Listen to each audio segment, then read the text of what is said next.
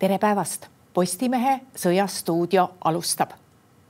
saabuv talv hakkab üha rohkem mõju avaldama ka sõjategevusele Ukraina rindel. venelased siiski paljudes paikades, sealhulgas Avdiivka, Avdiivkas, üritavad aeg-ajalt rünnata ja rünnata ka päris intensiivselt meil on stuudios strateegilise kommunikatsiooni ekspert ja Riigikogu liige Peeter Tali, tere päevast. tere vabast Eestist no kui me nüüd vaatame neid katsetusi, mis seal Avdiivkas tehakse, et äh, kui kehv ukrainlaste olukord seal siiski on ja, ja kui palju venelastel on nagu võimalik sinna äh, veel tuua juurde täiendavaid sõdureid, et seal ühel hetkel midagi siiski saavutada? et äh, seda Avdiivkat vaatame kaardi peal ka, et kus see on, see on siin Donetski juures, et sisuliselt on Donetski satelliit või eeslinn, mida siis ukrainlased on neljateistkümnendast aastast hoidnud, kus on ette valmistatud kaitse ja positsioonid ja venelased on kogu aeg seda rünnanud. ja nüüd ütleme, viimaste päevade jooksul on venelasi mingisugune edu seal saatnud, aga see on muidugi tohutute kaotuste hinnaga. et ma kirjutasin endale välja, et venelased on kaotanud viimase ööpäeva jooksul, see ei ole ainult Avdiivka all, aga on kaotanud eh, tuhat ükssada kolmkümmend sõdurit, mis on kaks pataljoni, mis on päris palju, eh, kakskümmend tanki, eh, kolmkümmend kuus soomukit ja kolmkümmend kolm suurtükisüsteemi. Et need kaotused on tohutud ja nüüd see Avdiivka on selline eend või siis kott, mis ulatab sisse ja venelased suruvad äh, äh, mõlema tiiva pealt, et siis sundida ukrainlased ära minema või võtta nende üksus kotti. et põhimõtteliselt võib paralleeli tõmmata äh, Pahmutiga, kus käisid ka kuid lahinguid ja kus Ukraina kulutas metsikult ja riivis seda Vene ründepotentsiaali, aga siin Avdijev, Avdijevka all on äh, samasugune olukord. Äh, põhimõtteliselt ja Venemaa on juurde toonud tanke ja siis ka pisut paremaid üksusi, et seal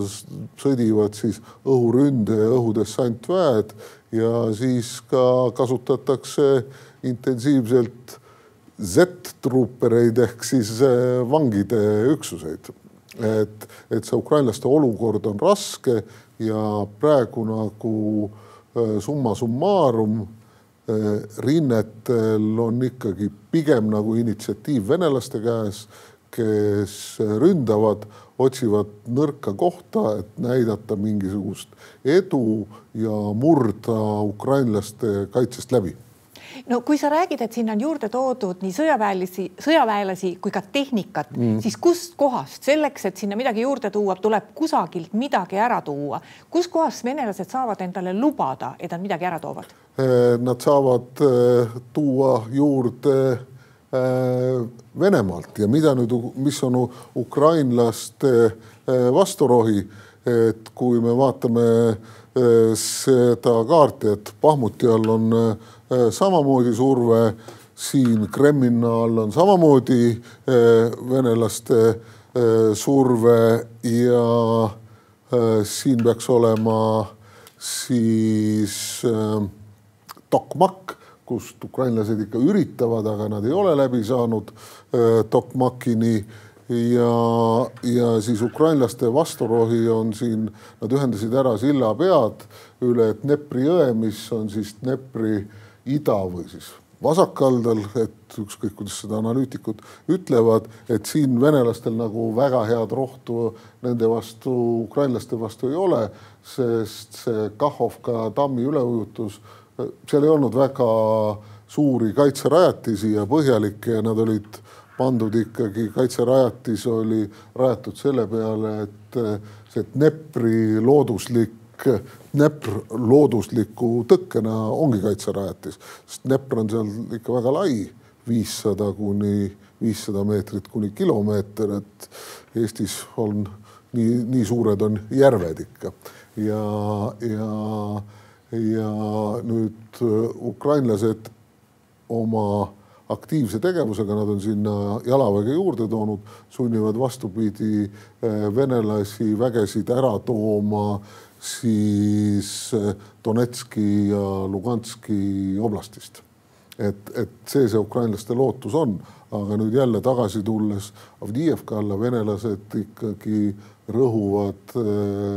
rõhuvad kogu jõuga, mis neil on ja noh, siis see varjatud mobilisatsioon või juurdevärbamine käib ka, et seda inimressurssi Venemaal lihtsalt on, lihtsalt on, et nad ei peagi tegema äh, siis mobilisatsiooni, noh, tõenäoline, kui nad tahavad väga suurt muutust, on, siis nad mobilisatsiooni peavad ikkagi tegema, aga tõenäoliselt jääb see ikkagi valimiste järg, presidendivalimiste järgsesse aega, kuna see raha, mida pakutakse ikkagi seda sõjamasinat väga hästi, väga hästi toidab no kui me räägime, et ukrainlaste võimalused võiksid olla just seal lõunas Dnepri mm. idakaldal, et äh, jah, seal on probleem see Dnepri ületamine, nagu sa just ütlesid ja ukrainlased on andnud või tegelikult küll rohkem Vene sõjablogijate hädaldamisest on välja tulnud see, et ukrainlased seal siiski edasi liiguvad, aga, aga need edasiliikumised tõenäoliselt väga suured ei ole, et see ikkagi, me ikkagi räägime pigem erioperatsioonidest ka täna veel. no ja et see on ikka pigem äh, kerge jalavägi, et seal on äh, nähtud küll Ukraina soomukeid, et äh, et jälle ebaselge sõjaudu varjab, et võib-olla need on ka venelaste käest mõned ära võetud, aga selleks, et arendada nüüd äh, hoogsat rünnakut, et siis tuleb tuua juurde suurtükivägi ja suurtükiväge ja rasket äh, tehnikat. selleks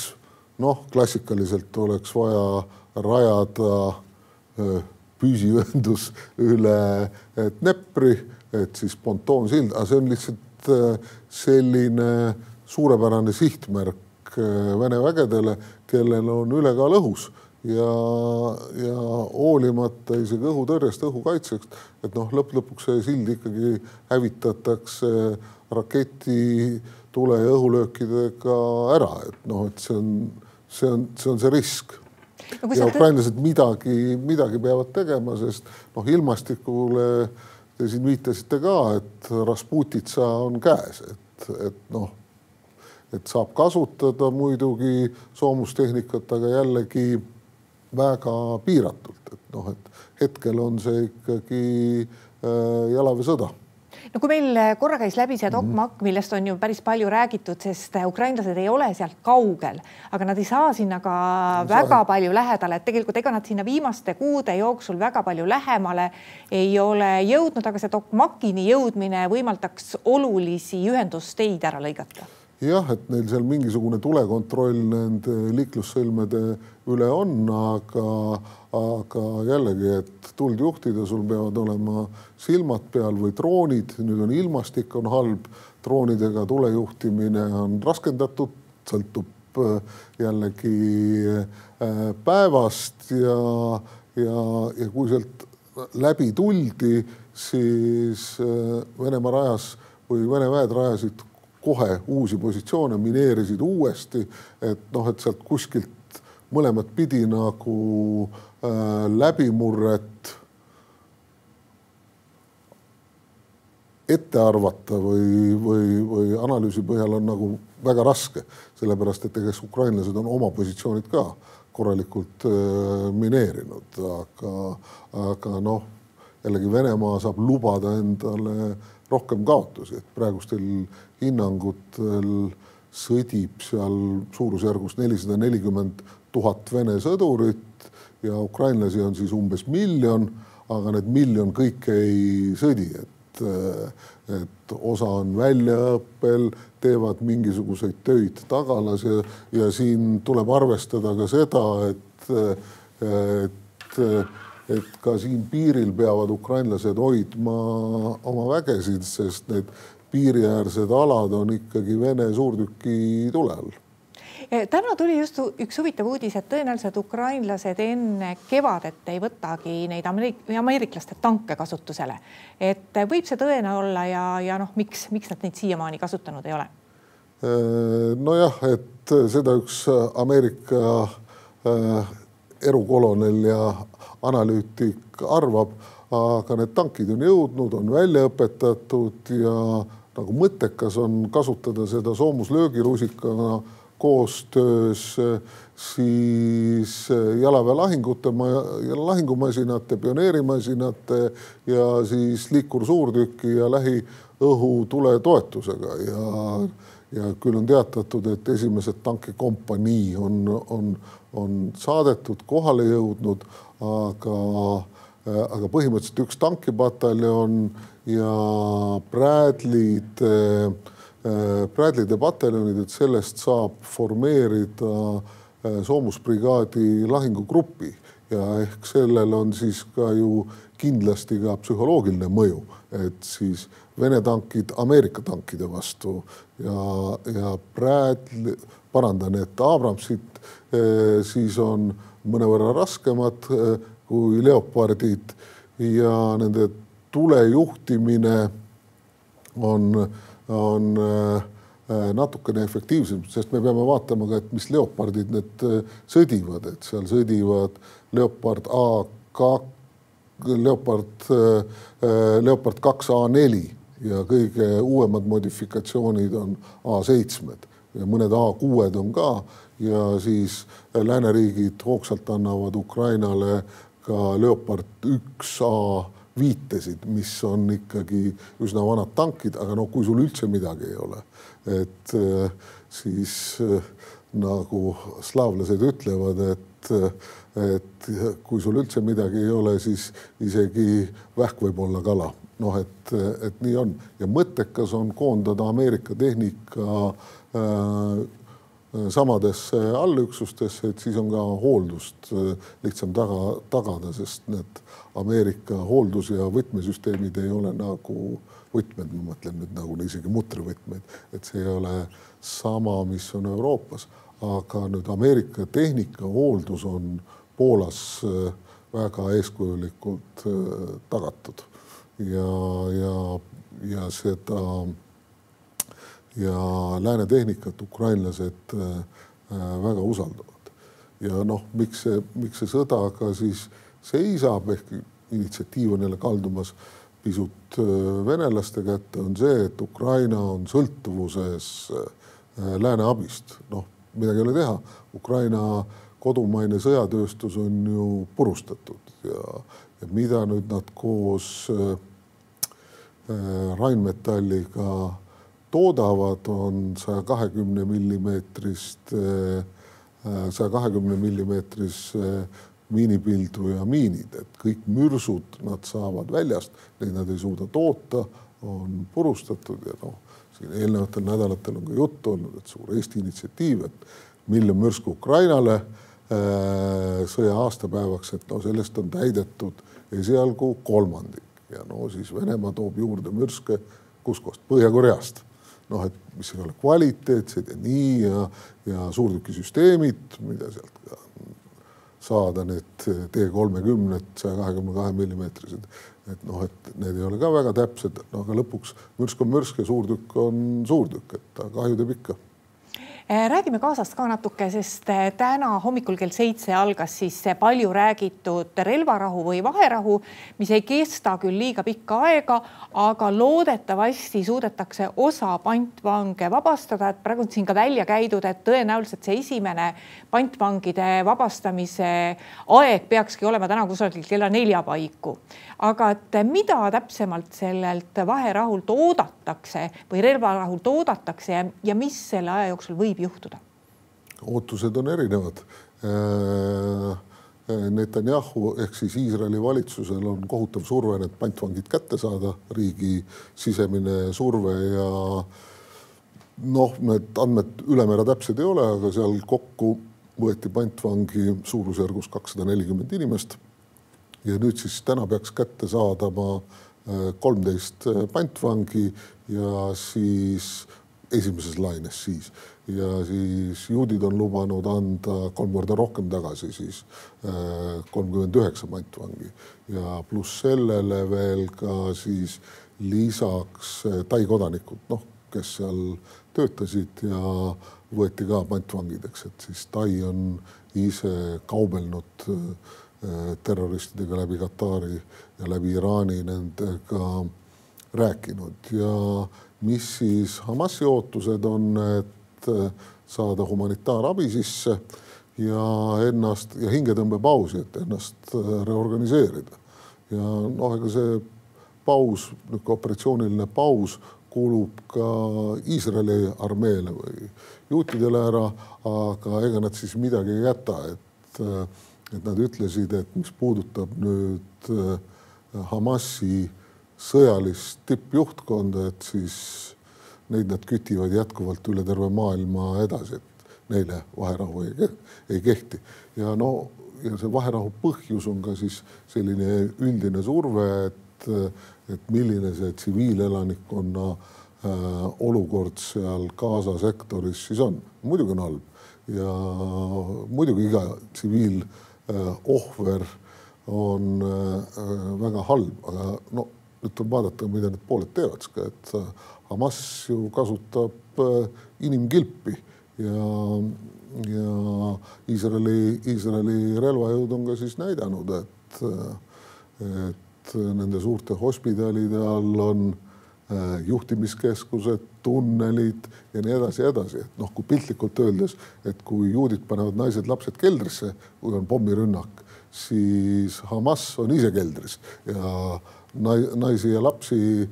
näidatakse kui ohvreid, et rõhuda siis äh, vaba maailma kaastundele. Ja no see on jälle kasulik autoritaarsetele režiimidele, Iraan, Hiina ja ka Venemaa, et, et meid lõhestada ja noh, see, see tuleb välja. Ja jälle, kui vaadata, et ega siis äh, ega siis Ukraina toetamise mõttes on see ka halb, et fookus on,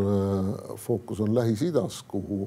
ameeriklased on saatnud kaks lennukikandjate gruppi, mida ka siis? Iraani käsilased ehk need huuti mässulased Jeemenist ja kuskilt mujalt on, on ka rünnanud, et ka Ameerika baasid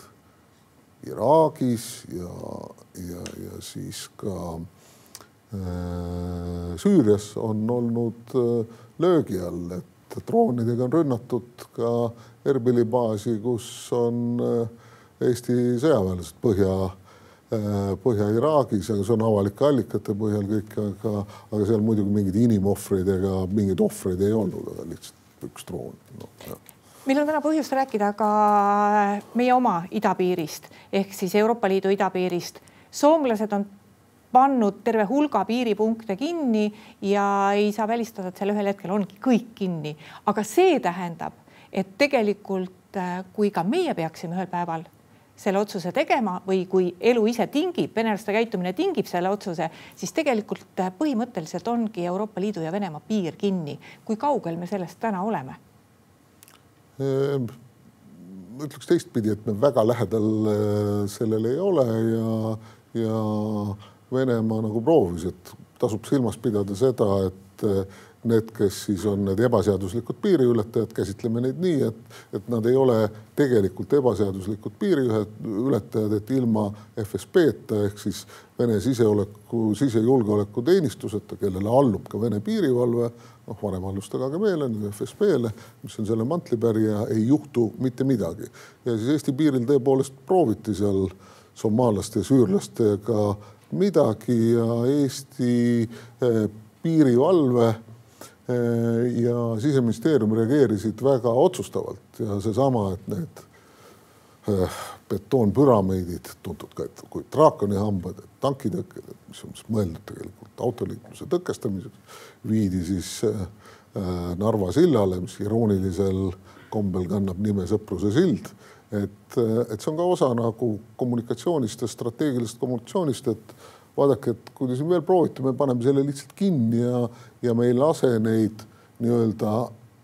üle, et, et pannakse kinni piir selle koha pealt, kus see piir päriselt on, et ei tekitata sellist limbot, et keegi on ei kellegi maal ja et siis me peame nendega midagi tegelema, et me oleme õppinud Poolalt, Leedult ja ka Lätilt väga palju, et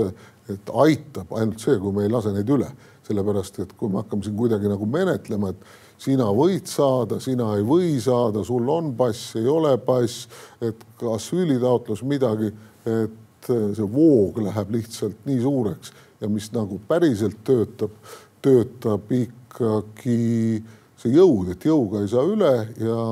ja siis ka nende migrantide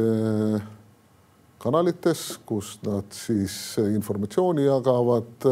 et noh, saab selgeks, et sealt nagu päriselt ei saa üle. ja no mis on Eesti-Soome vahe, et Soome üritab kuidagi menetleda, et, et kuidas inimõigustega on ju ja keegi võiks asüüli saada, aga siin ei ole inimõigustega mitte midagi pistmist. et see on hübriidsurve ja noh, Soome mõttes ma võin öelda, et meil korra prooviti.